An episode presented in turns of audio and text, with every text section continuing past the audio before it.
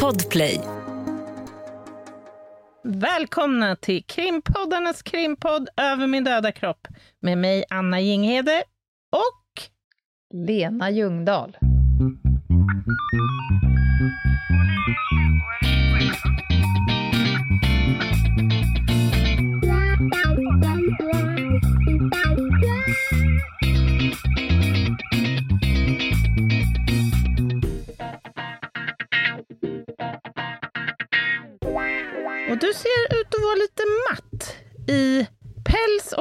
Kontur idag. Ja, Berätta. Vad... jag kan säga så här att jag, på förhand tack och förlåt, jag är inte i gänga. Nej. Ska Jag det vara jobbat- så här under semester? Nej men alltså jag har haft semester och jag har haft det ljuvligt. Vi har varit på Fårö, vi har på Gotland, vi har eh, haft det underbart. Mm. Men jag jobbar alltså som ett litet jävla as Mm. just nu. Jag är inne i en riktigt tung jobbperiod där jag behöver använda kropp och själ. Ja. Eh, och sen har jag varit på resande fot. Idag hämtade jag upp, efter fyra timmars sömn hämtade jag upp broddarn och sen åkte vi till en annan stad. Jag har suttit fem timmar i bil och sen har jag utbildat i eh, ond, bråd död Mm. för massa människor och så tillbaka en packa om. Och, ja, nej, jag behöver inte dra det. Jag, har, jag jobbar för mycket nu, men det finns ljus i tunneln. Men idag kommer jag vara flakkött, som det heter. Bara hoppas att det inte är tåg som du ser i tunneln. Ljuset. Ja. Det är nästan så att jag välkomnar det. Jag bara låter det ske. Nej, fy. Nej, men alltså jag kan tänka mig också att det är lite så här när man är egen. Då är man ju på ett annat sätt kanske beroende av giggen också. Och då blir det kanske lättare en liten mischmasch mellan ledighet, jobb och allt det där. Ja, och sen så befinner ju jag mig i en typisk ad hoc-bransch. Det går Mm. liksom inte att planera in fullt, för då kan jag inte ta eftersom jag eh, hjälper folk på studs. Mm, Så det kan inte vara fullt och jag vet ju inte när studsen kommer. just Och den här veckan har jag hållit på med liksom tre parallella, rätt kniviga ärenden, så att jag har behövt tänka rätt mycket. Mm. och hantera folks emotioner. Och Ja, det, det tar, tar lite på en. kraften. Ja, det är klart det gör. Mm. Jösses. Men Men eh, i jag, morgon bitti åker jag till Särna mm. och Där- kommer att plocka blåbär och säga till människor i min närhet att inte ett ljud vill jag just höra. det. Där hände inte så mycket precis. Nej. det är helt riktigt. Men du, kan inte du introducera lyssnarna till dagens tema? Det kan jag göra. Vi har tassat runt ämnet som eh, igelkottar runt het gröt. ja, just Ja. det. Mm. Jo, vi ska prata om kvinnorna i brottsstatistiken. Det är ju här och där en försvinnande liten siffra som skvalpar runt när det kommer till en del brottskategorier. En del, nej, då, då är de överrepresenterade. Mm. Men kvinnors grymhet, eh, kvinnors... Eh, vi har ju sagt vid ett par tillfällen i den här podden att det är svårt att klämma dit dem, för de är, är sluga, Mm. duktiga på att ljuga, rätt manipulativa, och sen är det som att rättsväsendet lägger lite huvud på sned och tänker Nå, Mm. du, du är nog en nyttig idiot, du kanske är ett offer, eh, det, det är nog en man som drar i snörena. Och i många fall är det också så. Vi har ju träffat Mm. på de här kvinnorna som blir utnyttjade inom brottsligheten. Just det. Men jag tror att kvinnor ligger bakom brott till mycket större procent än vad statistiken visar. Mm. Det är min känsla. De är svåra att klämma till. Ah, vad intressant. Du tror på ett mörkertal här? Jag tror på ett mörkertal. Mm. Jag, jag tror som du. Tur för dig. Va? Tur för dig. Ja, verkligen.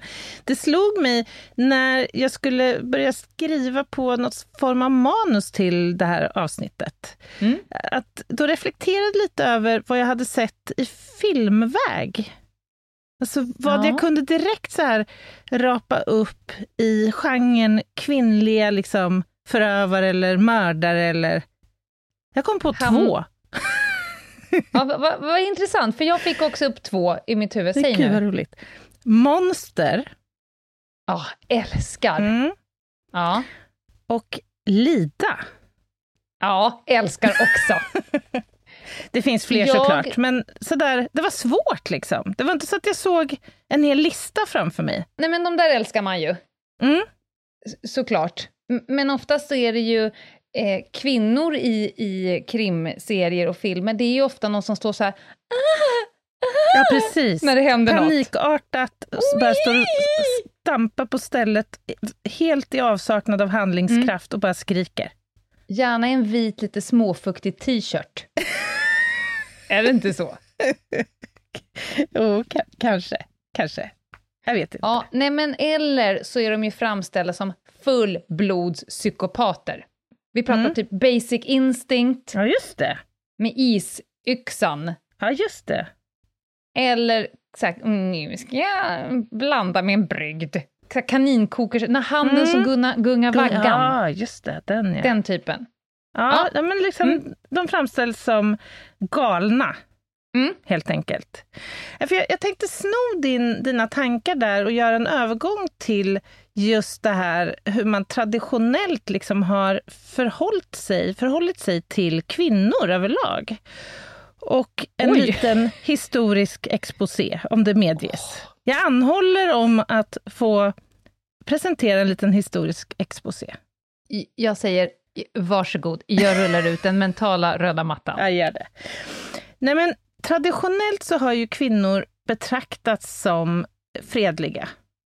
Kanske inte så risktagande. Kanske inte heller så aggressiva som män. Mm. Eh, och, men vi vet... Ja, men stack de upp näsan, då eldades de ju upp på bål. Men, ja, jo men det gjorde de ju. Men, Mm. men de kvinnorna förhöll man sig nog till som icke-kvinnor snarare än som kvinnor. Jag återkommer Mm. till det alldeles strax här. Eh, det är lätt att förledas att tro att det här med liksom kvinnors grymhet, om vi nu pratar monster, som ju är baserad på en verklig eh, och sann Mm. historia, eh, skulle vara ett undantag.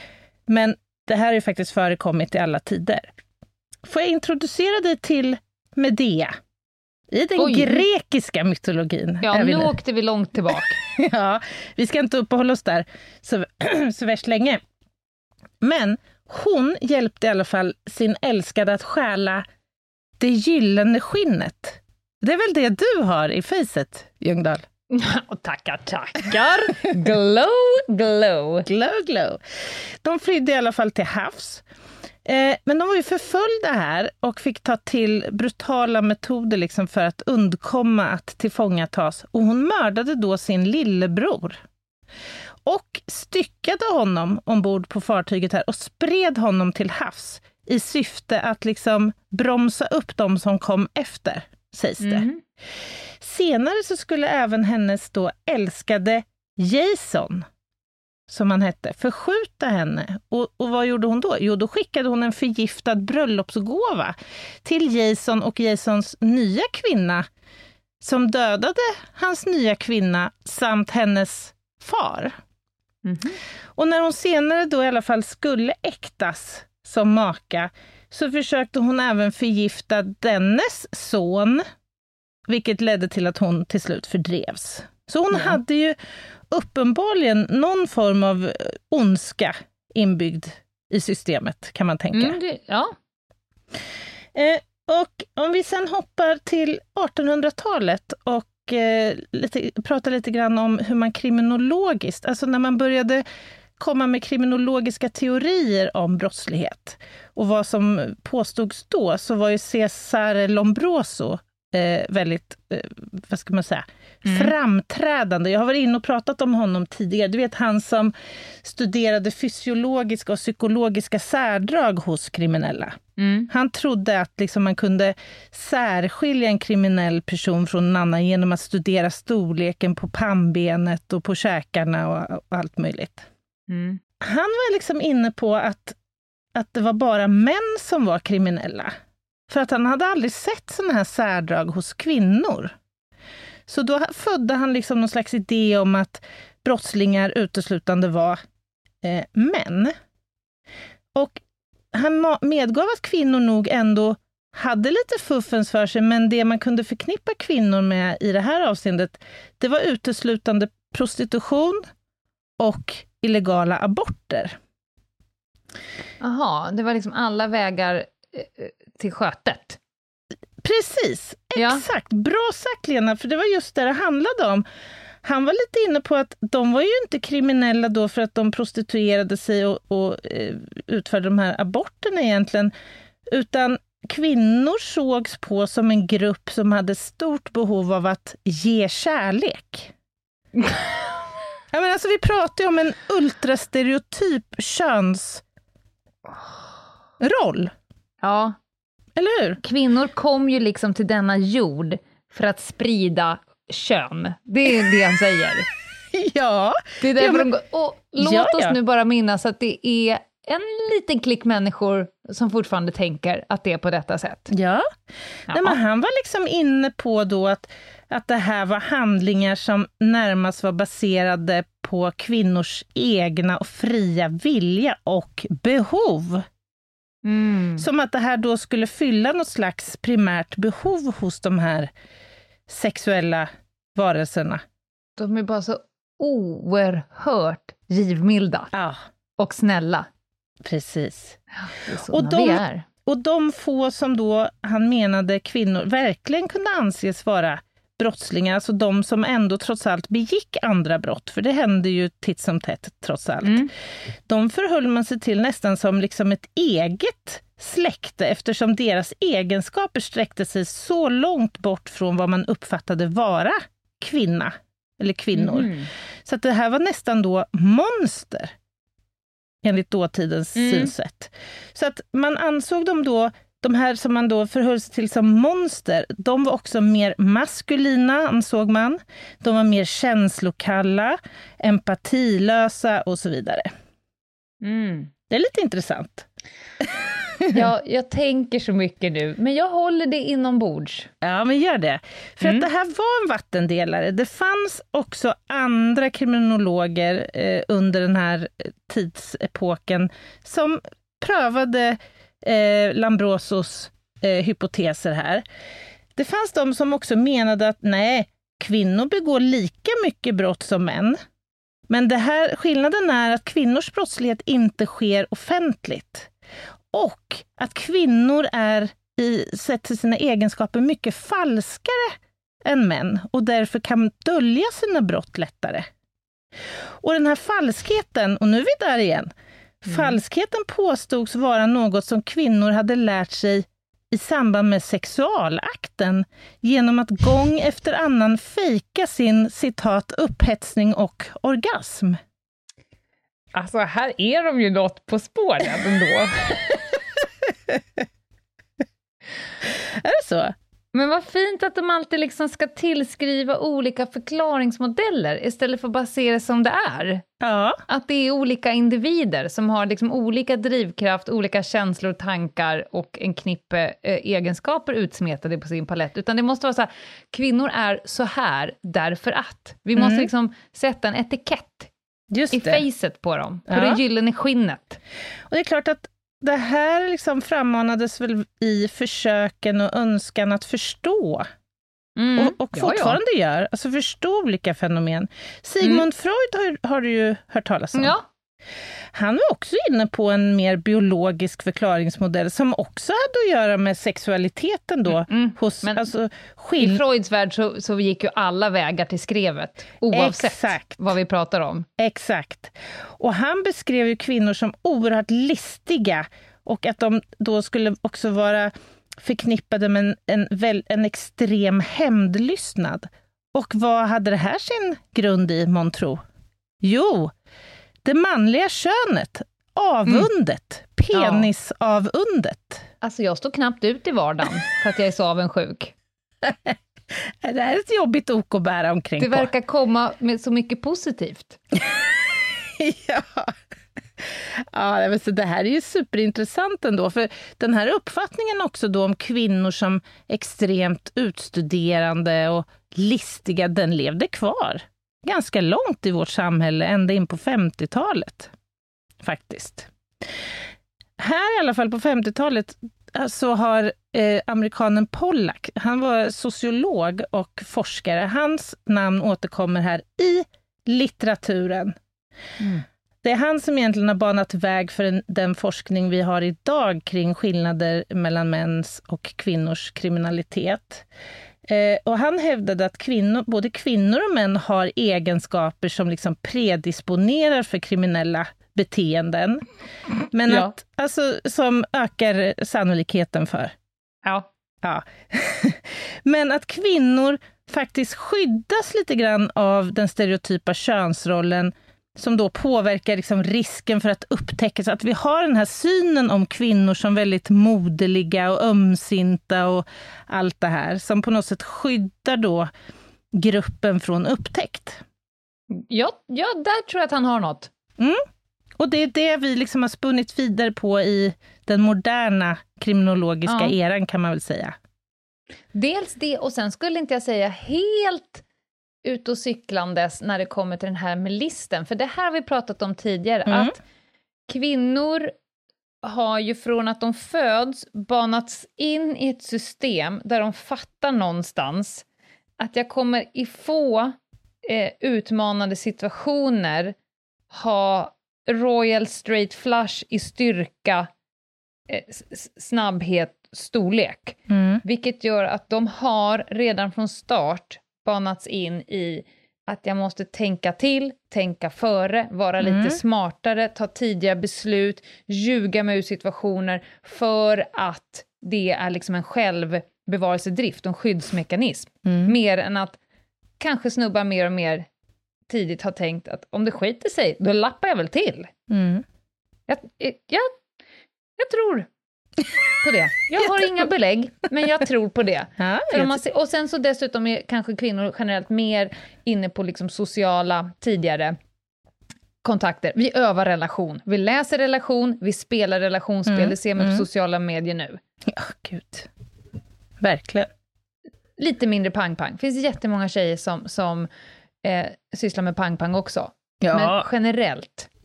Mm. Mm. Jag håller med. Jag är helt med det här, Ljungdahl. Mm. Men för det är ju faktiskt stora skillnader mellan könen i avseende på eh, brottslighet. Ja. Vet att det går fyra misstänkta män på varje misstänkt kvinna, om man tittar på all brottslighet. Förvånar mig icke. Berätta, varför förvånar det dig icke? Ja, för att jag jobbar som polis i 15 år. Ja, men det är din erfarenhet då som du lutar Min mot. erfarenhet, eh, lite kunskap, lite statistik, lite BRÅ-rapporter och så vidare, så förvånar mig det inte det minsta. Och nu, det jag har hållit på med under många år nu, PDV, där är ju eh, kvinnorna försumbara i mm. statistiken. Mm. Ja, intressant. Mm. Sen, vi ska ju också säga det att det är ju liksom större och mindre skillnader beroende på vilka brottstyper vi Just. tittar på här. Det är viktigt att poängtera. Mm. Kvinnor kan ju i vissa brottstyper vara lika representerade som män men totalt sett. Eh, men intressant är att andelen kvinnlig brottslighet har ökat kraftigt sedan 70-talet. Det är alltså mm. mer än en fördubbling. Och, eh, Så undrar man ju. Ja, det här är lite intressant faktiskt. Den största ökningen kan man se mellan 1975 och 93. Sen planar det ut lite grann och sen sköt det iväg igen i slutet på 90-talet. Eh, att, en tanke kan ju vara att det är rättsväsendet som har ändrat sina arbetsmetoder och sitt synsätt på kvinnfolket, på kjoltygen. Så kan det absolut vara, för vi får inte glömma bort att det här är ju decennier då det faktiskt har hänt väldigt mycket i det omgivande ja. samhället och kanske särskilt i avseendet jämställdhetsarbete. Mm. Vi förhåller oss till män och kvinnor mer jämlikt idag och vår uppfattning då om män och kvinnor kanske också har påverkat kvinnor att begå fler brott. Och, och om kvinnor också får lämna hemmet, så har de ju ja. också större kontaktytor att begå brott, Exakt. än när de bara vispar välling. Exakt. Mm. Um, så det är lite intressant då att det här avståndet då mellan, mellan mäns och kvinnors brottslighet, det har liksom minskat successivt sedan 70-talet. Och vi har ju data, så vi har den officiella kriminalstatistiken som vi kan luta oss mot. Men precis som du var inne på tidigare så kan ju de faktiska skillnaderna vara mindre. Vi snackar om ett möjligt mörkertal här. Mm. Eh, och det finns olika teorier idag som, kan, som försöker då förklara de här eh, skillnaderna mellan mäns och kvinnors eh, brottsliga beteenden. Men det är inte en helt enkel liksom, gåta att lösa det här. Det finns liksom ing, inte en enda teori som kan förklara alla kvinnors eh, brottslighet eller brottsliga beteenden. Inte heller någon teori som kan förklara alla kvinnor som inte begår brott, varför de avstår. Och det är likadant för män naturligtvis. Mm. Eh, det här med eh, de olika könsrollerna och hur, liksom, hur man har sett på kvinnor respektive män historiskt och traditionellt har det liksom återkommer när man läser om olika förklaringsmodeller. Det var liksom mindre förenligt i den traditionella kvinnorollen att begå brott än vad det var för män. Alltså mäns maskulinitet, alltså att våld skulle bygga maskulinitet, är ju en sån här mm. tanke som har funnits eh, ganska länge. Eh, man kan också prata om såklart uppfostran och miljöfaktorer. Eh, och även där så har ju pojkar och flickor eh, hanterats, eller man har förhållit sig till pojkar och flickor olika ju historiskt. Det har funnits andra förväntningar på, på pojkar än på flickor. Ja, och det ska man säga, det är ju inte väck än idag. Nej. En, en, en snubbe som river håret av en unge, är fortfarande tjejer som får höra, han tycker nog bara om dig. Jaha.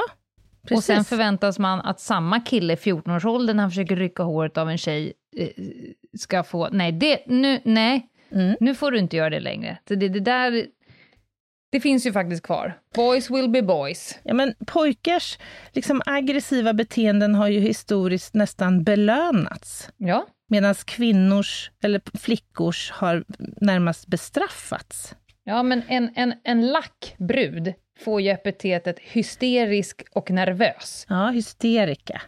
Mm.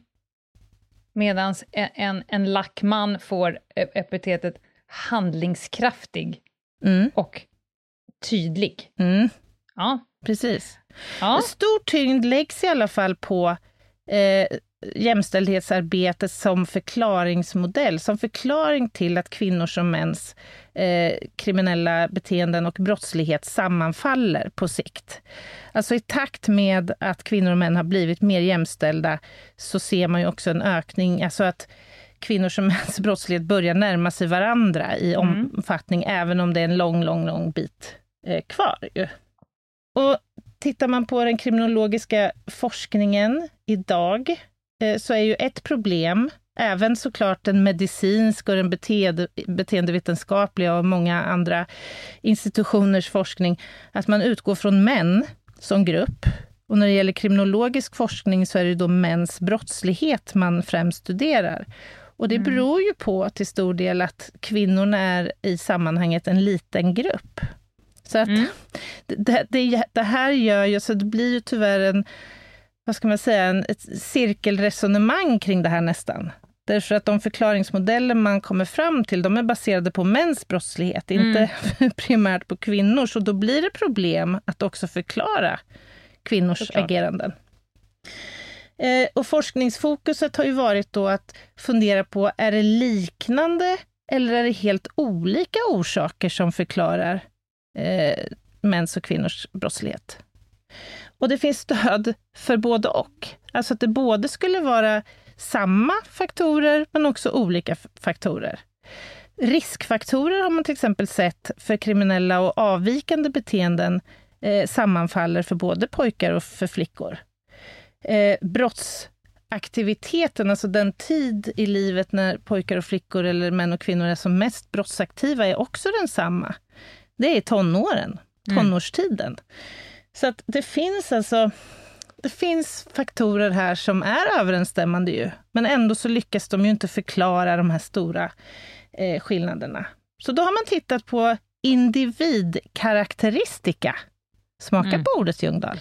Ja, och, och det vi försöker säga är varför låter fler tjejer bli Mm. att göra brottet än snubbarna? Mm. Varför gör de det inte? Ja, och tittar man på eh, beteenden eh, så finns det faktiskt klarlagt i forskningsstudier att män och pojkar är mer, som du var inne på tidigare, riskbenägna än flickor och kvinnor. Eh, kvinnor är mer hänsynstagande. Mm. Un, eh, unga män har sämre kognitiva förmågor än unga kvinnor. Ja, det kan man ju bara se om man pratar med ett försäkringsbolag som försäkrar unga män och deras bilar och mopeder och motorcyklar. Ja, det är lite intressant. Ja, de, de vill ju helst inte försäkra dem alls, för de vet ju att från att du bör, köper din första moppe till att du har typ luggen har fallit ner någonstans 25-30, då är du bara e- en jävla minuskostnad Mm. i trafiken, ish. Ja, På grund av riskbenägenheten och det kognitiva och perceptionsmässiga. Förmågor ja. Mm. Mm. Ja, men det är lite intressant. Sen är ju då pojkar och män fysiskt starkare som grupp liksom betraktat. Eh, och det finns då mer aggressivitet hos Mm. det manliga eh, släktet. Och det här kan man ju fundera på om det då skulle vara kopplat till till exempel biologiska förklaringar. Alltså, eh, handlar det om hormonella skillnader i, vad gäller till exempel testosteron? Vilket, vilken betydelse har testosteron egentligen? Alltså det manliga Gör testosteron att man får mindre impulskontroll? Ja, så man har ju naturligtvis testat det här. För att då Mm. har man ju byggt sin hypotes om att manliga förövare av våldsbrott eh, har eh, en högre mängd testosteron i sitt blodomlopp än andra. Mm. Men man kan inte förklara det på det sättet. Påvisa? Nej. Det finns liksom inget klart samband mellan höga testosteronhalter och benägenheten att begå brott. Man har också tittat på östrogenets betydelse. Och det finns faktiskt det finns några intressanta domar från England från 80-talet, där PMS har ansetts vara förmildrande i flera domar. Faktiskt. Ja. Och i något fall, om jag minns rätt nu, så var det en kvinna som stod misstänkt för mord. Och hennes gärning sammanföll då med PMS och lågt blodsocker. För hon hade nämligen inte ätit på länge. Och det skulle vara en förmildrande omständighet? Ja, man ansåg det. Ja, men England är ju ett jävla u-land. Kommer jag fram till gång efter annan. Om du kollar på Outsider, när det står någon och slickar på någon jävla kandelaber och har gift sig med det är alltid en britt. Ursäkta ni britter som lyssnar. Ja, det var en passus. Vi går Ja, ja, vidare. nej, men du, du, är, ja, du är helt rätt på det här. Man har också pratat om inlärningsmässiga, det var vi inne på lite grann förut, det här hur vi liksom lär in beteenden utifrån interaktionen med vår omgivning. Ringde det på dörren? Nej, Är det liemannen som har kommit för att hämta dig? ja, det hoppas jag. Han är djupt välkommen. Nej, det är Doris som går runt och snackar. Jag vet inte vad det är. Jag hade läst om det ringde på dörren. Ja, nej. Vill hon något? Jag vet inte. Hon kanske vill flagga för att det är paus. Ja, jag tror att vi tar en paus Ja. nu, Anna. Varsågod. Det gör vi. Ett poddtips från Podplay. I podden Något Kaiko garanterar östgötarna Brutti och jag, Davva, dig en stor dos skratt. Där följer jag pladask för köttätandet igen. Man är lite som en jävla vampyr. Man har fått lite blodsmak och då måste man ha mer. Udda spaningar, fängslande anekdoter och en och annan arg rant. Jag måste ha mitt kaffe på morgonen för annars är jag ingen trevlig människa. Då är du ingen trevlig människa, punkt. Något Kaiko, hör du på Podplay. Därför är gardinerna. Välkomna tillbaka! Det är krimpoddarnas krimpodd Över min döda kropp och det är avsnitt 158. Och kriminaltekniker in the house håller på att lotsa oss igenom kvinnligt och manligt inom brottsstatistiken. Fast vi ska prata mest kvinnligt, eller? Ja, det blir, alltså så här, det är ju svårt att prata bara kvinnligt utan att också prata manligt. Därför att, Framförallt eftersom du precis har sagt att all forskning görs på männen. ja, ja, Ja. precis. Vi Sant. fortsätter. Du True höll på story. med det inlärningsmässiga. Ja, men jag har ju varit inne här då på några olika såna här eh, försök att förklara hur skillnaden, vad skillnaderna mellan könen består när det Mm. rör brottslighet. Och då var vi inne på det här med inlärningsmässiga förklaringsmodeller då att, att eh, alltså beteenden är ju inlärda och att flickor och pojkar då skulle ha, utifrån vad de har genetiskt också naturligtvis, en tendens att lära in bet- olika beteenden. Mm. Eh, kanske kan man tänka sig att man historiskt i alla fall har haft en större social kontroll på flickor än på pojkar, alltså att pojkar har fått en större rörelsefrihet än vad flickor har fått, till exempel. Den typen av eh, liksom förvärvade och inlärningsbaserade eh, mönster, då, beteendemönster. Det är mycket som är kulturellt betingat här. Ja, men det är det ju. Mm. Miljömässiga faktorer är också intressant. De kan ju förklara vissa typer av brott där kvinnor faktiskt är framträdande. Eh, kvinnor är ju ganska väl representerade när det rör förskingringsbrott till exempel. Kan det möjligen bero på att det är betydligt fler kvinnor som jobbar med kassaarbete till exempel än vad män gör? Snabbköpskassörskan, Ja. Ja, absolut. Barn, barndråp. Kan det handla om att kvinnor har, är, är oftare hemma ensamma med sina barn? Eh, kvinnor, alltså de som döms för barndråp, inte sällan har dolt sin graviditet. Barnet har varit oönskat. Men man, Mm. ja, den typen av förklaringar. Eh, kontra då pojkar som oftare eh, hookar upp med gäng än vad flickor gör, i alla fall vad vi vet från forskning. Mm. Alltså de tidigare och oftare rör sig i kriminella gängmiljöer. Det kan ju naturligtvis också förklara att de senare oftare begår brott i den miljön än vad kvinnor gör. Mm.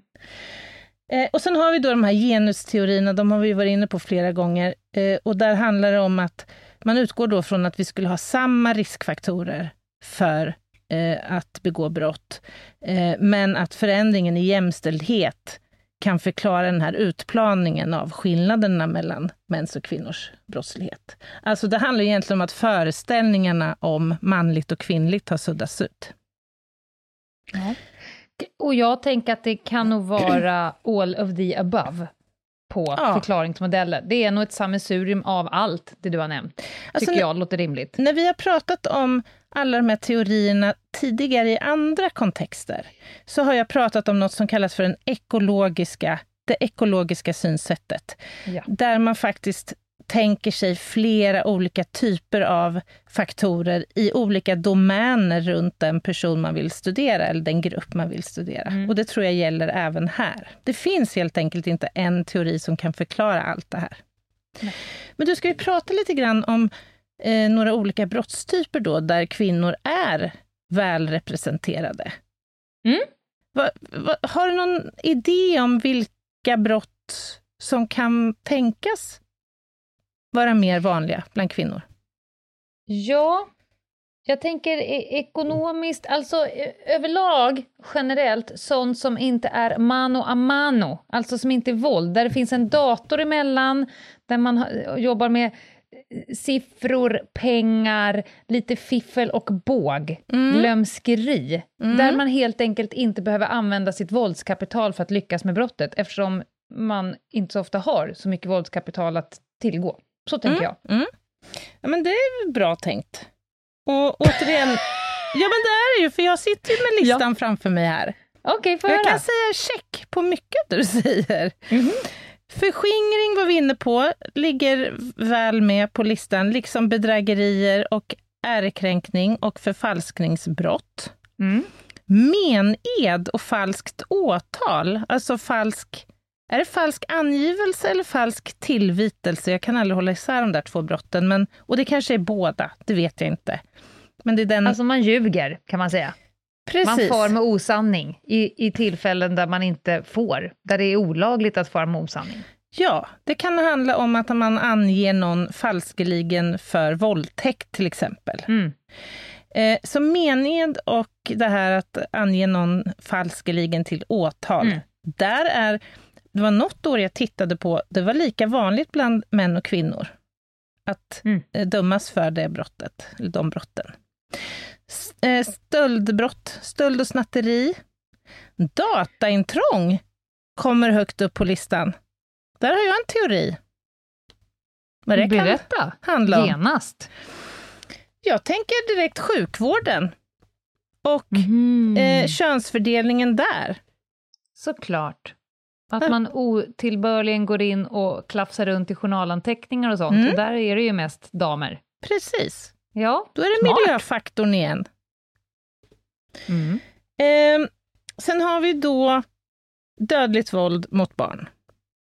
Som är ett eh, en brotts, eh, som innefattar flera ju brott, men som är ett brottsfenomen där kvinnor är väl eh, representerade. Det är lite olika beroende på vilket land, lands eh, så att säga, eh, mordfall man tittar på. Men i Sverige och i mitt material så är det, det är fortfarande män som är lite vanligare, men kvinnor ligger väl med, det är nästan 50-50. Men det som, in, Får man... mm, Ja, förlåt. Säg. ja, men det som är lite intressant där är ju att kvinnor, eh, den, den stora mängden kvinnor återfinns när barnen är alldeles nyfödda. Och det vittnar väl om någonstans att det ofta handlar om kvinnor som antingen inte har vetat om att de har varit gravida, eller vetat om det och burit på ett barn som de inte önskat. Och eller inte haft kontakt med pappan. Mm. Jag ser ju i mitt material att många har inte haft kontakt med mödravård. Vilket såklart innebär då att man har försökt att dölja det här för omgivningen och sen har planen hela tiden varit att ta bort barnet så fort det är fött. Anna Jinghede, Mm. nu har du sagt i mitt material två gånger, vi har nya lyssnare. Du kanske bör ja, bara skrapa lite på ytan. förlåt, det är klart jag ska göra det. När jag, säger, när jag hänvisar till mitt material så pratar jag om mitt forskningsmaterial. Jag studerar alltså dödligt våld mot barn mellan 0 och 14 år i Sverige under 20 år. Och vi har pratat ett helt avsnitt om våldsutsatta barn och jag tror att just den där brottspunkten, dödligt våld mot barn, bör få ett helt eget avsnitt. Jag vill att du pratar om din forskning i ett avsnitt. Kan du det? Får du det? Så gärna. Jag kan prata om, jag kan prata om min forskning eh, så länge jag gör det helt avidentifierat. Då tycker jag att vi gör det ett helt avsnitt, för jag tycker att det är enormt intressant. Eller jag har ju hört dig prata om det så mycket, jag vet att våra lyssnare kommer tycka att det är enormt intressant. Låt oss återkomma till det. För det är inte ett ämne som ska skrapas på ytan alls. Så vi Nej. bara nämner att kvinnor är överrepresenterade, vi återkommer i sak. Mm. Mm? Precis. Eh, och sen har vi då brotten där kvinnor mer sällan är representerade. Och där har vi då sexualbrotten, men, säger jag direkt, det här tror jag är en brottskategori med mörkertal. Vi har mycket svårare att tro att kvinnor skulle förgripa sig på barn än vad män gör, helt enkelt. Och jag tror också att män har mycket svårare att anmäla kvinnor för sexuellt ofredande och våldtäkt. Ja, helt, Det helt enig. tror jag sitter hårt Mm. inne. Ja, absolut. Rån, också mer vanligt bland män än bland kvinnor.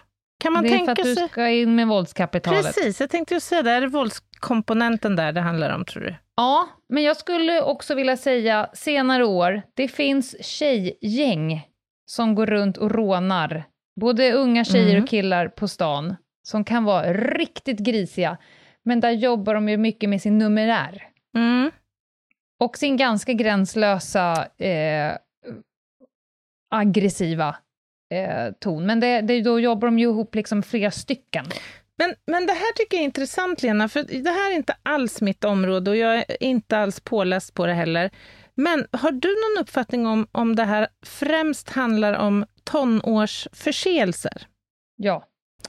För att tonåren är ju speciell. Det är ju Mm. en period då vi förväntar oss att barn ska vara normöverskridande. Eh, Mm, faktiskt. absolut. Och man kan ju fundera lite grann på, och vi var, var ju just inne på det här att, att den stora liksom, gruppen kriminella, om man får säga så, finns i de, under de här åren. Sen planar ju de flesta ut och återgår till fullt eh, normala och vettiga tonåringar och Ja, senare unga visst. vuxna, men några blir ju kvar. Eh, Men jag tänker så här, om man redan i den, de här åren hamnar i situationer där man rånar och utövar våld, så inbillar jag mig att det är mycket svårare att kliva tillbaka till liksom, det normala, icke-kriminella livet efteråt. Alltså ju tidigare du debuterar med våldsbrott, framförallt, desto svårare är det att sen hitta en prosocial väg ut i vuxenlivet. Mm. Absolut. Håller Men, helt med. men du menar att det finns de här gängen då och att de rapporteras mer sällan, tror du det? Tjejgängen? Jag vet inte om målsägandena har, är liksom mindre benägna att anmäla, men jag vet att i tid efter annan, eh, de här ungdomsrånen där de helt enkelt plockar av varandra eh, Mm. telefoner, kläder, eh, mopeder och så vidare och så vidrigt. vidare. Och då är det tjejer i gäng också. Mm. Alltså, så, det är ju såklart att det är fler snubbar, Mm. men man ska inte tro att inte tjejer gör Nej. det, för det gör de Mm. och kan Ja, ja, vara precis definitivt. lika kränkande och lika läskiga och lika hotande som ett gäng med snubbar. Mm. Ja, ja, absolut. Mm. Men sen ett brott, eller en brottstyp, som lyfts fram som en som, där faktiskt flickor och kvinnor mer sällan förekommer, det är narkotikabrottsligheten. Alltså det är en stor överrepresentation av män i den kategorin. Det förvånade mig, måste jag säga. Alltså jag läste någon siffra, nu minns jag inte vilket år det var, jag tror att det var en ganska inaktuell siffra, men jag tror inte det har i och för sig ändrats jättemycket, men den låg på 10 procent. Att av alla narkotikabrott så var det kvinnliga misstänkta i 10 procent av fallen. Stod det vilken brottskod det var? var det Nej, bruk eller tror att det- innehav? Jag tror eller? att det var så sammantaget. Så samman. Mm. Ja, skulle jag säga, som har jobbat liksom inom alla områden inom narkotikabekämpningen eh, inom polisen. Mm. Det, vid bruk så är det svårt. Alltså hittar man fem stycken som sitter i en park och röker marijuana, tar Mm. en spliff, Mm. röker en gås och Mm. så vidare. Mm. Sitter det en tjej med där då, då tror jag eh, att hon klarar sig undan i större fa- eh, liksom, utsträckning än snubbarna. För att man då går vilse i, inte kan hon, hon blinkar med sina blå, Mm. jadi jadi. Mm. Sen tror jag att man blir bättre och bättre på det där såklart inom, inom polisen också. Mm. Eh, men kanske inte lika många och kanske inte lika synligt. De kanske har ett annat modus, tänker jag. För när jag är på Mm. hemmafester, när man glider in Mm. på en hemmafest, där kan man ju i mycket större utsträckning, tycker jag, hitta brudarna. De kanske, Ja, inte, ja. sit, de kanske inte står ute vid, vid, på stadens torg och, och knarkar i samma Ja, utsträckning. men där tror jag du har en viktig skillnad, Mm. faktiskt. Liksom var man rör sig, helt enkelt. Sen tror jag att flickor eller unga kvinnor har, eller kvinnor överlag såklart, har en fördel i att kunna faktiskt sminka sig, framstå som fräsch längre Mm. än vad pojkar och män kanske kan. Jag vet inte. Ja. Jag inbillar mig att det kan vara så. Nej men absolut, och kanske till och med att man är, vet att man är skyddslös, så man kanske aktar sig för de offentliga, lättåtkomliga utrymmena när man vet att man ska göra saker som gör att man tappar lite... Ja, jag menar Eh. ju inte att sminket skulle ha betydelse när du går ut på byn eller stannar hemma, utan för omvärlden kan du maskera ditt Ja, missbruk vi längre. förstod det Anna, tack för förklaringen. Ja, Nu kände du att du fick douchebag-hatten på dig.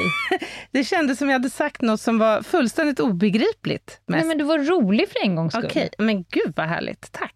Nej jag skojar. Tackar, tackar. Nej, men när vi kommer då till lite grövre narkotikabrott, Ja. Då skulle jag säga att kvinnorna som jag har eh, varit med om när det kommer till grova narkotikabrott, Mm, mycket mindre utsträckning, mm, jag säger det bara som det är, det är nästan alltid män. mm. Och då pratar vi grova narkotikabrott och narkotikasmuggling. Ja. Men det är inte så att tjejerna inte finns. Det, kommer du ihåg det här absolut största caset som vi drog i vårt avsnitt som hette Kokain och Nutella? ja.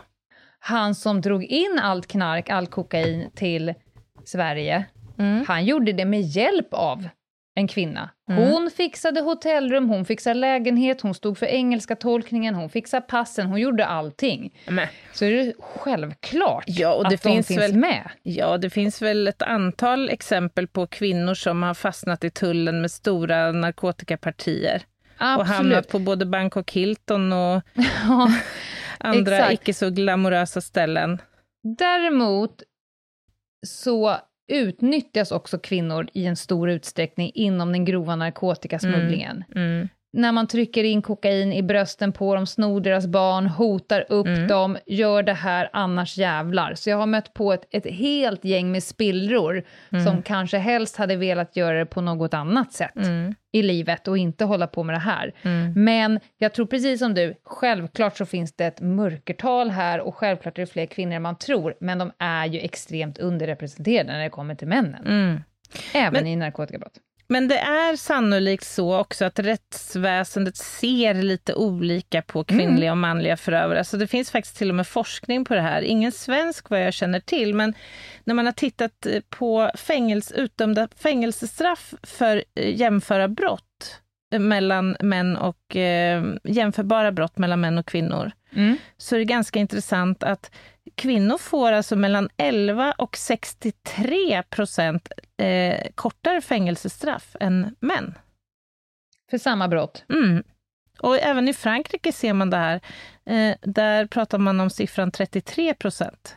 Så att män får 33 procent längre fängelsestraff än kvinnor för jämförbara brott.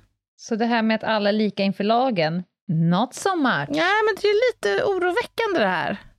Absolut, men Verkligen. jag kan ju själv referera till när man åkte ut på, som, som ingripande polis på lägenhetsbråk, till Mhm. exempel. Det var ju ofta man åkte med mannen gripen från den här platsen. Ofta var det ju rätt, om inte alltid. Det vet jag inte. Men jag tror att vi har inbyggt i oss redan när vi kliver in över tröskeln att det är mycket, mycket vanligare att det är mannen som har slagit kvinnan och inte tvärtom. Men är det så konstigt då? Alltså jag, jag säger inte att det är rätt att göra så, men när man dels lär sig statistiken, man jobbar, det blir liksom någon form av sannolikhetslära, erfarenhetsbank. Dessutom så vet man att män har större våldskapital och liksom gör generellt större oreda i rättssamhället. Då är ju det är inte så konstigt, jag säger inte att det är bra, men det är inte så konstigt att man blir lite färgad i Nej. sin bedömningsblick. Nej, Men då ska man ju konstigt. verkligen hissa upp den flaggan att jag kan ha fel. Man Mm. måste ju tala om det för sig själv som polis då.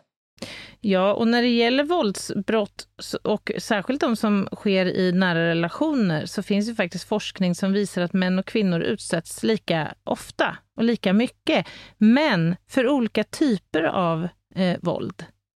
Och Mhm. där män i större utsträckning slår eller brukar fysiskt våld och där kvinnor i större utsträckning eh, utsätter sina män för ett psykiskt våld. Ja, jag förstår. Mm.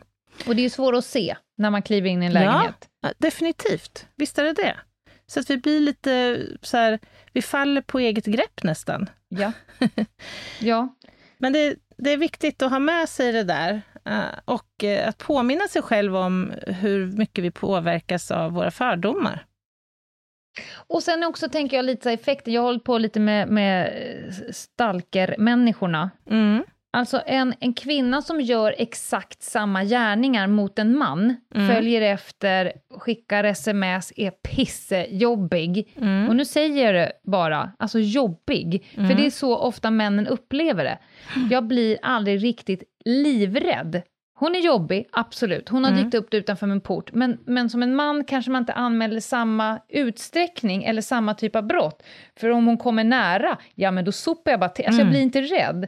Medan för en kvinna som har en man som dyker upp utanför porten, då kommer jag anmäla direkt, för jag Mm. blir livrädd. Mm. Jo, Så det- det är också, de som gör, de gör exakt samma gärning, men effekten är så pass olika så det kommer i förlängningen bli olika i brottsstatistiken. Förstod Mm. du vad jag ja, menar? jag förstår precis vad du menar. Mm. Och när det gäller våldsbrott så har faktiskt antalet misstänkta kvinnor ökat med, håll i nu, 86 procent under Men- perioden 95 till 2007.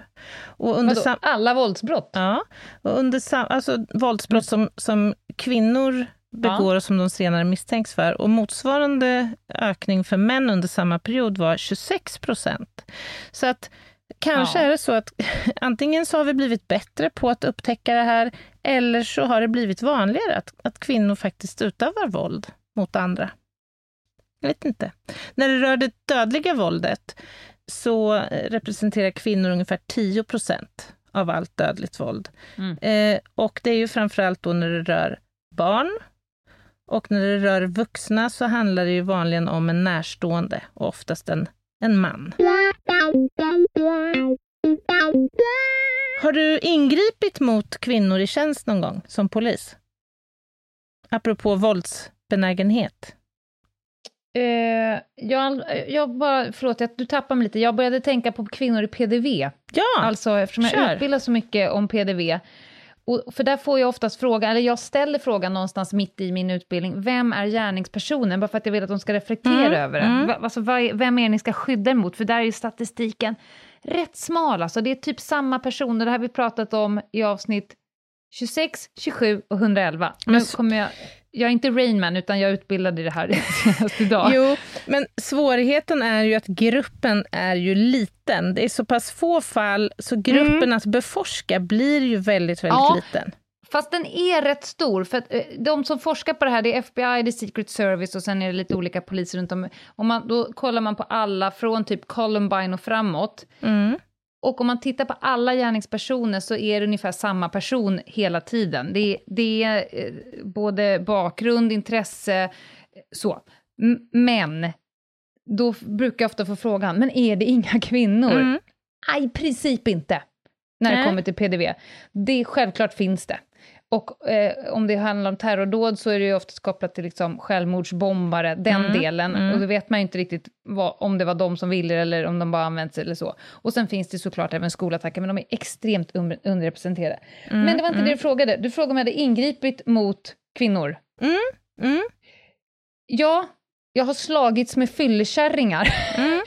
Det kanske är bland det jobbigaste man kan hålla på med. En Mm. full, arg. Du Mm. kommer ihåg avsnittet när Meta pratade om den här människan som hon fick snigelspår upp Just från det. foten till, Ja. till höft så. Ja. Skämt åsido. Ja, jag har såklart ingripit mot kvinnor. Allt från människor med psykoser, som är då inte ett brott, eh, till eh, gripa kvinnor som har begått grova brott och så vidare. Mm. Det är såklart att man har det, och de kan ge ett rejält jädra motstånd. Men de, de är så oerhört... Alltså jag har inte jättemycket erfarenhet, men jag har gjort det några gånger, behövt eh, ta i med hårdhandskar. Det är svårt. Det är svårt. Det är svårare Hala. mot kvinnor än män ju. För att Är de det för att ditt agerar ju... system inte vill tillfoga dem lika mycket smärta? De, dels det tror jag, men det, jag, jag inbillar mig att de heller inte vet riktigt hur, de, hur man slåss. alltså, det är mycket... Okej, du, jag fattar så. Det är som att försöka läsa någon som håller på med en sport som de egentligen inte gör. Det går inte att läsa Ja, för... Ja. Exakt så. Mm. Exakt så. Det är som Det- att hålla på med brasiliansk jujutsu med Ja. någon som inte kan det. Man bara, vad gör du? Precis. Ja, Det är fingrar upp i ansiktet och det ska rivas och... Ja, du vet. Svårt. försöker du hävda att kvinnor bara håller på med catfight? Nej, Att det är det, av- hävdar jag inte. Men utifrån den mycket ringa erfarenhet jag har Okej. så jag upplevt Mm. det som nästan värre Mm. än behöva Bökigare. lägga ner en bökig och eh, våldsbenägen mansperson. Jag skulle säga så här, min erfarenhet eh, av att slåss med kvinnor, både privat och i tjänst, alltså privat menar jag i sportsammanhang. Ja, sport, Anna. Samtycke. Ja. Men det jag skulle säga att det är ett, de har ett sånt djävulsdriv. Mm. Man brukar säga vilken Frenesi. jävla terrier. Frenesi. Frenesi, det är en sån hög eh, intensitet. Mm. Mm. Så att man får sitt fläsk stekt, alltså, Mm. om man inte är med där. För Mm. det kan gå snabbt. Ja, jag har varit med en Ja. gång och skulle transportera, jag tror jag berättat om det i podden faktiskt, transportera en eh, berusad supporter från ett stort Stockholms eh, fotbollslag som var i Örebro och som inte kunde bete sig helt enkelt. Och hon var Nej. så aggressiv under transporten in så att jag fick ta i med hela mitt väsen för att liksom Mm. klara av transporten in. Jag satt bak. Och när vi väl var inne i arresten och skulle läggas in för fylla, då behövde vi vara fyra konstaplar för att lyckas få av henne kläderna. Ja. Men hon var helt rabiat alltså. ja. Ja, Du minns ju hon som, eh, ja, hon skulle ju äta upp en tresitssoffa och jag tyckte att hon skulle sluta med det. Ja, just det. Eh, och hon var ju så bindgalen så henne fick vi rulla in i en persisk matta och gaffatejpa ihop och bära ut henne likt Jönssonligan i bilen. Av den enkla anledningen att hon inte skulle skada sig själv Ja, eller oss. det var Varpå hon kanske skrek, säkrast. Jag ska äta upp din livmoder. Mm. inte just nu hjärtat. Ja, Eh, ja, det finns eh, säkert många exempel på att kvinnor kan. Vi har ju faktiskt, det har ju varit på senare tid ett flertal ganska uppmärksammade faktiskt domar som har kommit. Och Mm. ja, brottshändelser överlag. Jag tänker på Johanna Muller till exempel. Nu pratar vi inte om fall specifikt, men man kan kanske inte undgå att ändå nämna namnet med tanke på att det har varit några turer kring nämnda Möller. eh, ja. Jag säger pass Det säger på pass. kungen. Ja. Nej, men Mm. alltså jag pratar ju nu om, om kvinnor som har bevisats eh, utsatt andra för en väldigt, väldigt hög grad av våld. Så det här förekommer. Hon Definitivt. tyskan. Kristine Schürrer, precis. Ja. Mördade två små barn, höll på eh, att mörda barnens mamma också. Mm. Jonna Henningsson, styckmörderskan i våran trakt här. Maria Kish, minns du henne? Hon som eh, eh, hade ihjäl sin gubbe och sen körde huvudet i ugnen. Försökte, jag vet inte vad, vad som var syftet riktigt, om det var för, för att försvåra identifieringen tror jag, innan hon sen paketerade in honom i då ett antal delar och slängde ut i, var det norr Mälarstrand tror jag. Så att Ja. vi har ju ett antal eh, faktiskt exempel på kvinnor som har absolut en, en våldsbenägenhet. Så att det Gud. förekommer även i, i Sverige, så att säga, det är väl oomkullrunkeligt, Som det som heter. jag, som jag skulle vilja säga. Ja. En timme går fort, Ljungdahl, och eh, det här känns som ett tema som jag, alltså det känns som vi bara skrapat på ytan här. Alltså jag har ett önsketema som jag haft länge, som jag kommer kräva att vi ska ha inom kort, och det är ett helt avsnitt om kvinnliga psykopater. Oh, vad intressant. Mm. Där är jag väldigt tunn. Då får det nog bli en intervju, tror jag. Ja, du kan få en bok av mig som du kan få läsa inför. Jaha, Då kommer du sova med lampan tänd sen. är det sant? Gud Lida intressant. framstår som en jävla, eh, vad heter det, Lilla på prärien, Laura Ingalls. Ja, Så kulla-gulla på Ja, prärien. just det. Ja. Men Anna, vi har väl en veckans lista, va? Om vi har en veckans lista. Hå- Håll i dina hästar. Innan du glider in med veckans lista så vill jag bara säga tack för idag. Och eh, om ni vill oss någonting så kan ni mejla oss på hej. Eller varför inte gå in och kika på vår jättefina hemsida, ljungdahlochginghede.se. Eller gå in på vårt Instagram och det heter Ljungdahl och Ginghede. Shit, vilken surprise du Nu på. Anna, Ja. jag lutar mig tillbaka. Blir det könet eller djurriket? Annas jätte, jätteviktiga lista. Det blir faktiskt ingetdera idag. Därför att, alltså så här, jag, jag skulle vilja börja så här. Tänk dig att du har tränat helt besinningslöst i fem år. Du har tränat så mycket för ett mål långt bort i fjärran. Du har liksom finslipat på alla detaljer. Du har gjort Excel-sheets, databaser, för att liksom pricka in formen lagom till ett OS. Ja, okej. Och din målsättning är att du ska komma dit, du ska ta dina medaljer och sen bara åka hem. Mm. Men sen när du kommer dit så bara händer det något. Ja, du fattar. Vi, alltså, jag tänkte vi skulle snacka lite grann om misstag och lite fails i samband med OS. Ja, okej. Och eh, alltså, rörliga bilder på hoppstavar som går av och simdräkter som spricker i grenen och så, det gör sig ju inte jättebra i poddmediet, som du vet. Så att jag har fått inrikta mig på eh, lite andra typer av eh, händelser i de här sammanhangen. Jag börjar med plats nummer fem. Nu är vi i Stockholm och året är 1912. Vi ska nu få bekanta oss med Sigrid... Si, Sigrid? Sigrid. ja. Sigrid Fick och Gunnar Zettervall. Kan du gissa sporten? Eh, pardans. Nej, vi är inne på tenniskorten nu. Ja. Centerkorten. Det ska spelas OS-final. De har gått obesegrade genom gruppspelet. Nu ska de då ta sin efterlängtade guldmedalj. Och de Pratar är också... mixdubbel. Precis. Mm. De är också segertippade. De har varit osannolikt vassa i OS här. Men så händer det då, tidigt i det tredje gamet i första setet, så sätter Sigrid Fick en sån jävulst hård smash rätt i plocken på Gunnar Zettervall. Alltså, hon smashar I honom huvudet. i, huv- i ansiktet tar den. Så han är helt borta. Han liksom kan inte återhämta sig från detta. Och de förlorar då, de förlorar första set med 6-4 och det andra med 6-0. De tar Ja, inte han var ett ju game. inte med där. Nej, nej, nej, nej, nej. Det var tråkigt. Jättetråkigt. Det bidde ingen guldmedalj det året. Mm.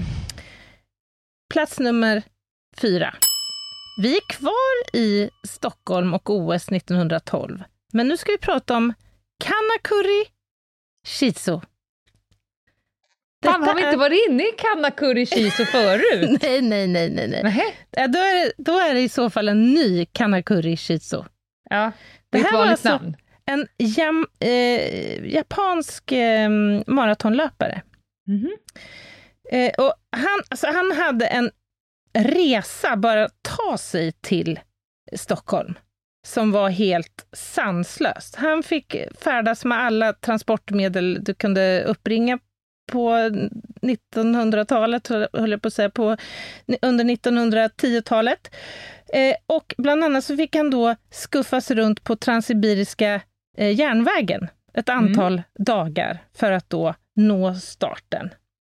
Och när han kommer fram till eh, Stockholm och ställer sig på startlinjen så är han helt utmattad. Alltså innan han har börjat springa. Av resan? Ja, han är Ja. inte... Alltså han har all form han nu har byggt upp, den är som bortblåst. I alla fall, under själva maratonet då, så är han så Mhm. trött så han stannar till hos en familj som han springer förbi. Och somnar hemma hos dem och vaknar Mm. inte upp förrän morgonen efter. Och det här innebar ju då att han eh, avslutade ju inte sitt race den där dagen. Men, Men, men historien tar inte slut här. För Nej. att 1967, då så- vaknar han. det kan man tänka, för att då kom han tillbaka till olympiska kommittén och liksom på något sätt sa, nu vill jag avsluta det här loppet. Så att han skulle få en officiell tid. Och, och det fick han på 54 år, 8 månader, 6 dagar, 32 minuter och 20,3 sekunder. Jag Vilket tycker lopp! att alltihop är rimligt. Det ger mig också hopp om att jag kanske en dag kan ställa upp i OS. Vad var det för gren? Maraton. Ja, ja, ja. Ah, plats nummer tre. Nu ska vi få bekanta oss med den norske gutten Christian Blumenfeldt. Mm. Eh, och det här det har jag inte skrivit i mina papper, men jag tror faktiskt det var nu. Sista OS i Tokyo. Mhm. Han är alltså norsk triatlet. Och han tog ett imponerande guld i eh, männens då triathlon.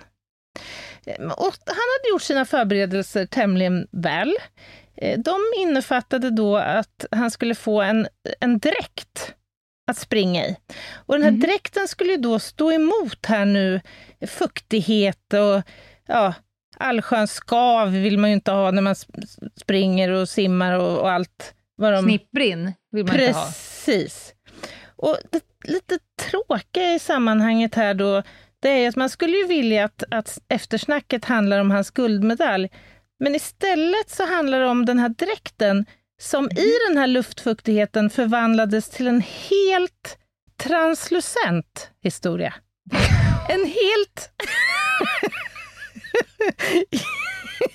genomskinlig dräkt. Alltså man brukar ju prata om att vid, när, när 100-metersfinalen eh, filmas i slow motion, då har ju det kunnat myntas uttrycket kukhypnos.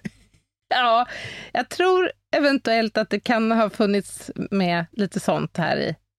Gud vad trist. Alltså det är inte roligt. Men jag tänker också att om man håller på med triathlon, Ja. rätta mig om jag har fel, men är inte en av grenarna att man badar? Jo. Borde han inte ha testat det någon gång innan och faktiskt upptäckt att han var genomskinlig? Man kan ju tycka att det faktiskt hade funnits eh, anledning att, att ha ett litet sånt, en tryout så att säga. Mm. Kanske också ha lite dräkter i olika färger, inte då den här hudfärgade prototypen. Nod. Jag måste bara säga, min mammas eh, kompis, eh, hennes gubbe skulle åka Vasaloppet, de är uppifrån Leksand, skulle Mm. åka Vasaloppet och på morgonen, han var jättevältränad, då, då drog han, tog han en sån här dräkt, du vet de har ju sån här tight. ja, ja. Så. Han tar dräkten från, från kroken och så drar han iväg till starten. Och Mm. så sätter han på sig dräkten, då inser jag att han har tagit sin syrras dräkt som är tre dess kortare. Så han får ju inte upp armarna Åh, på hela nej. Vasaloppet utan att det blir så att säga camel toe. Ah, jag förstår, jag förstår. Det är trist. Ja, det är Åka till ett Vasalopp utan att kunna jobba med armarna. Men det är tut, tut, tut, tut, tut, tut, tut. Ja, det, det är faktiskt frukt, måste vara fruktansvärt. Ja, nu går vi vidare. Ja, plats nummer två, va? Mm. Har du talat om fransosen Johan Dinnis? Eller Dinis? Nej. Även i de svenska medierna eh, omnämnd som den franska, eh, franske bajsmannen. Eh, nej. Nej, inte den. Alltså vi pratar här om den 43-åriga veteranen som alltså har världsrekordet på 50 kilometer gång och han har vunnit eh, VM-guld flera gånger. Det är ju en jävla låtsassport. Ja, det är en hittepåsport. Det är som att ha OS i rundpingis. Alltså det är ingen snygg sport heller, måste jag få tillägga. Ja, vi går vidare. Jämför Ni kan skicka- elegansen. Hej att ljungdahlinghede.se, där kan ni skicka allt ert kränkta skit nu. Gå vidare. Alltså, Johan här, han har haft sån förbannad otur.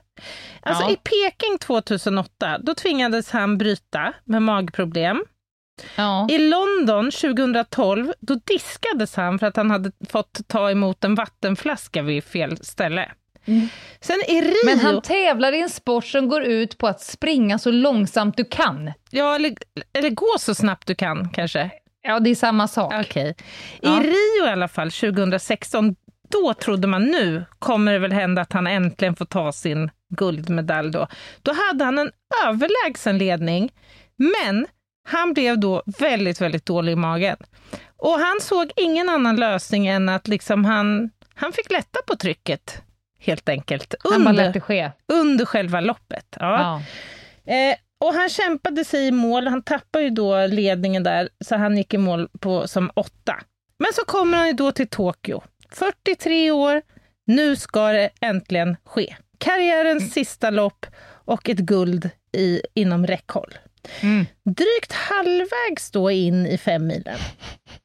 Det är då det händer. Mm.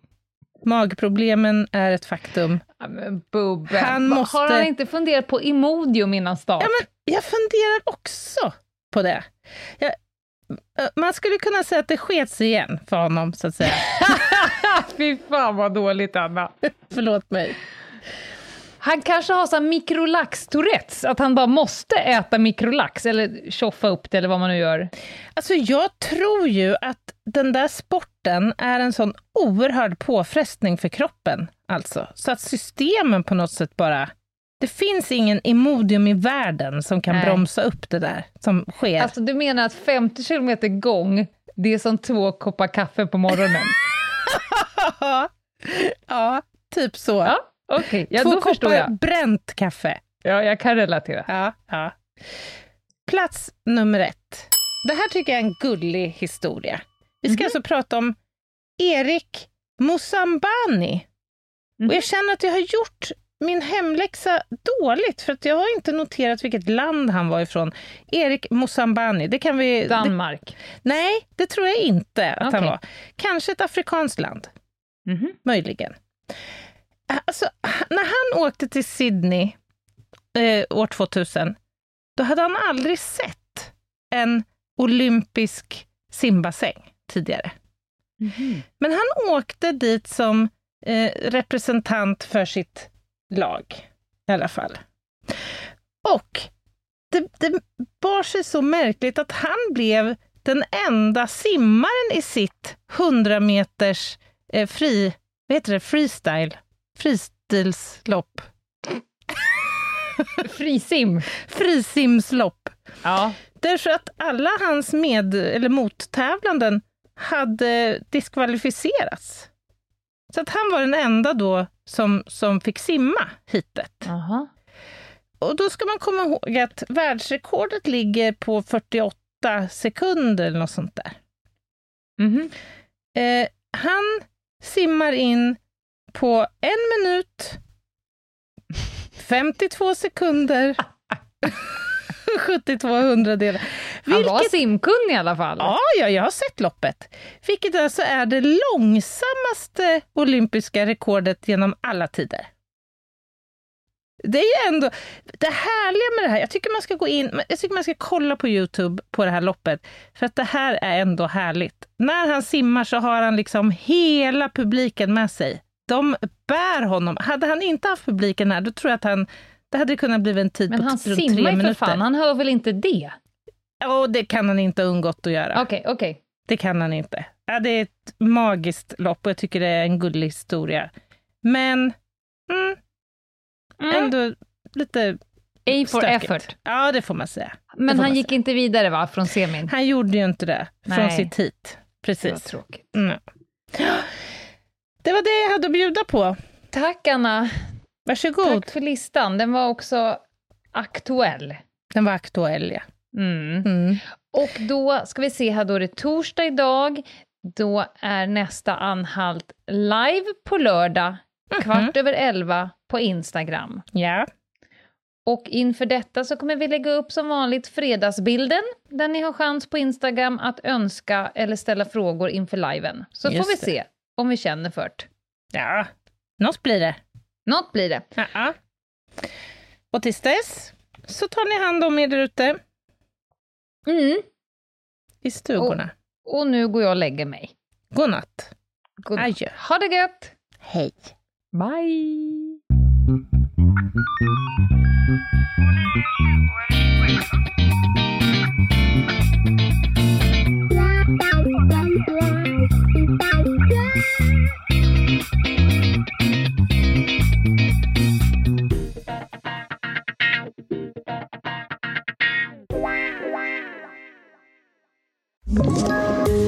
Poddtips från Podplay.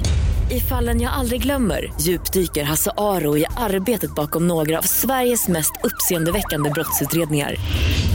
Går vi in med hemlig telefonavlyssning och, och då upplever vi att vi får en total förändring av hans beteende. Vad är det som händer nu? Vem är det som läcker?